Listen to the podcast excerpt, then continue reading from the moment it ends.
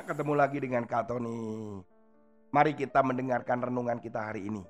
Sebuah kisah yang sangat tragis sekali anak-anak beberapa tahun yang lalu. Yaitu tepatnya pada tanggal 13 Mei pada tahun 1981. Sebuah kejadian yang tragis yaitu usaha untuk membunuh terjadi di kota Vatikan. Kota Vatikan adalah pusat agama Katolik. Di situ dipimpin oleh seorang paus yang saat itu bernama Paus Paulus Yohanes yang kedua.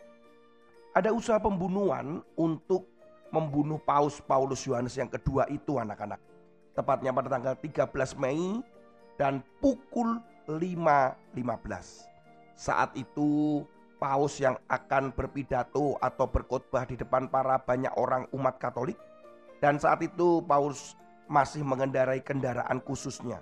Kendaraan ini sebenarnya kendaraan anti peluru. Tetapi tetap usaha untuk pembunuhan yang sudah direncanakan dua tahun sebelumnya tetap akan dilaksanakan oleh seorang yang memang membenci dan berusaha menghabisi pemimpin agama Katolik ini.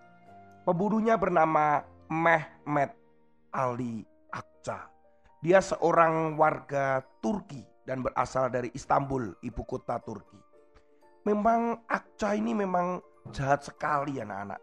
Mereka memang berkomplotan dan Akça ini sendiri punya jejak rekam kejahatan. Pernah membunuh orang, bahkan melarikan diri, kemudian juga berganti identitas. Wah, pokoknya jahat sekali pokoknya si Akca ini.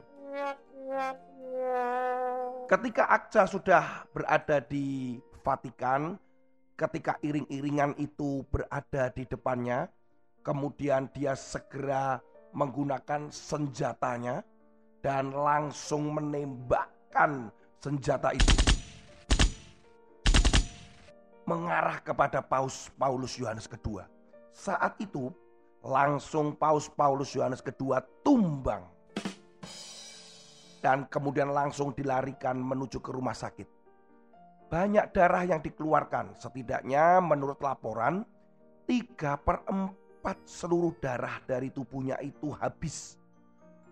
Operasi yang berjalan selama 5 jam itu ternyata berhasil menyelamatkan nyawa daripada Paus Paulus Yohanes kedua.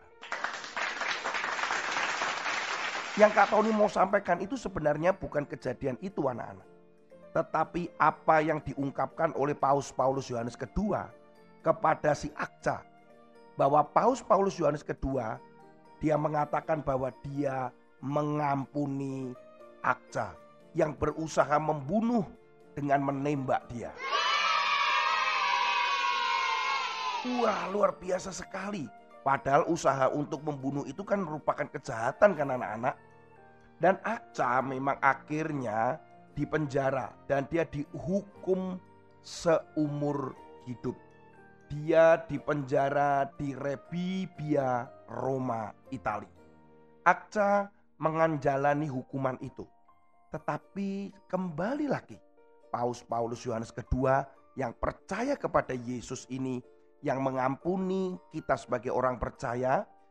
Pada beberapa waktu kemudian, Paus Paulus Yohanes kedua memutuskan untuk mengunjungi Akca di penjara. Saat itulah momen yang terkenal di dunia dan menjadi berita yang besar anak-anak. Waktu yang digunakan untuk bertemu 22 menit itu untuk menyatakan bahwa Paus Paulus Yohanes kedua memang benar-benar mengampuni dia. Paus mengatakan bahwa saya berbicara kepadanya sebagai saudara yang mengampuninya dan orang yang saya percaya katanya.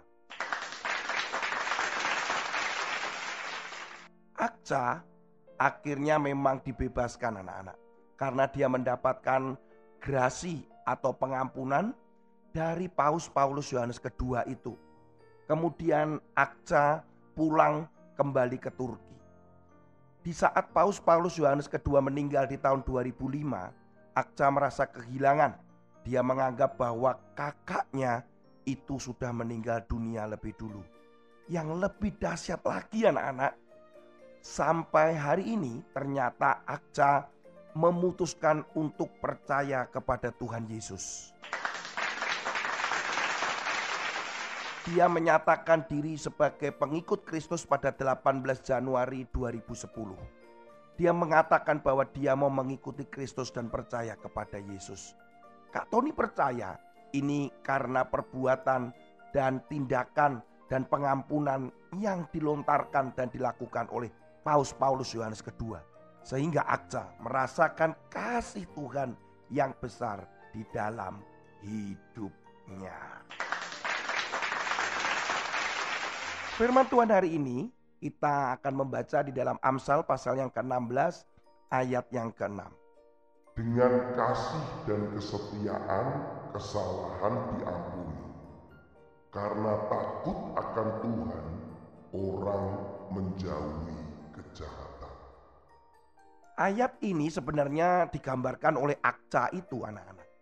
Bahwa Akca ini mendapatkan pengampunan. Dia dari kesalahannya diampuni oleh paus. Dan saat itu dia mengasihi dan setia.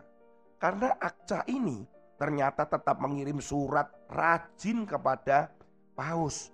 Dia menjalin hubungan seperti kakak adik.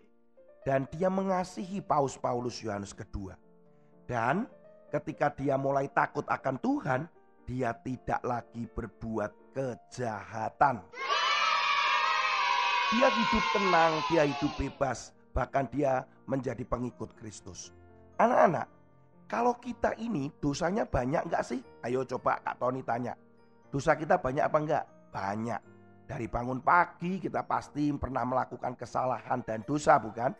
Mungkin marah dengan orang tua atau melakukan di dalam pikiran kita pasti berbuat dosa. Ingat, kita bisa diampuni oleh Tuhan. Asalkan kita setia datang kepada Tuhan. Kita minta ampun kepada dia kita tetap mencintai Tuhan gitu loh. Dan kita tetap setia melakukan firman-firmannya. Supaya kita tidak berbuat jahat lagi, ada rumusnya tuh. Takut akan Tuhan. Selalu Kak Tony ingatkan apa itu takut akan Tuhan. Yaitu melakukan firman Tuhan, kemudian percaya kepada Tuhan Yesus, dan selalu setia. Pasti kejahatan tidak akan kita lakukan lagi. Karena kita selalu dilihat dan Tuhan mendengarkan kita ke mana pun kita pergi. Dia tahu.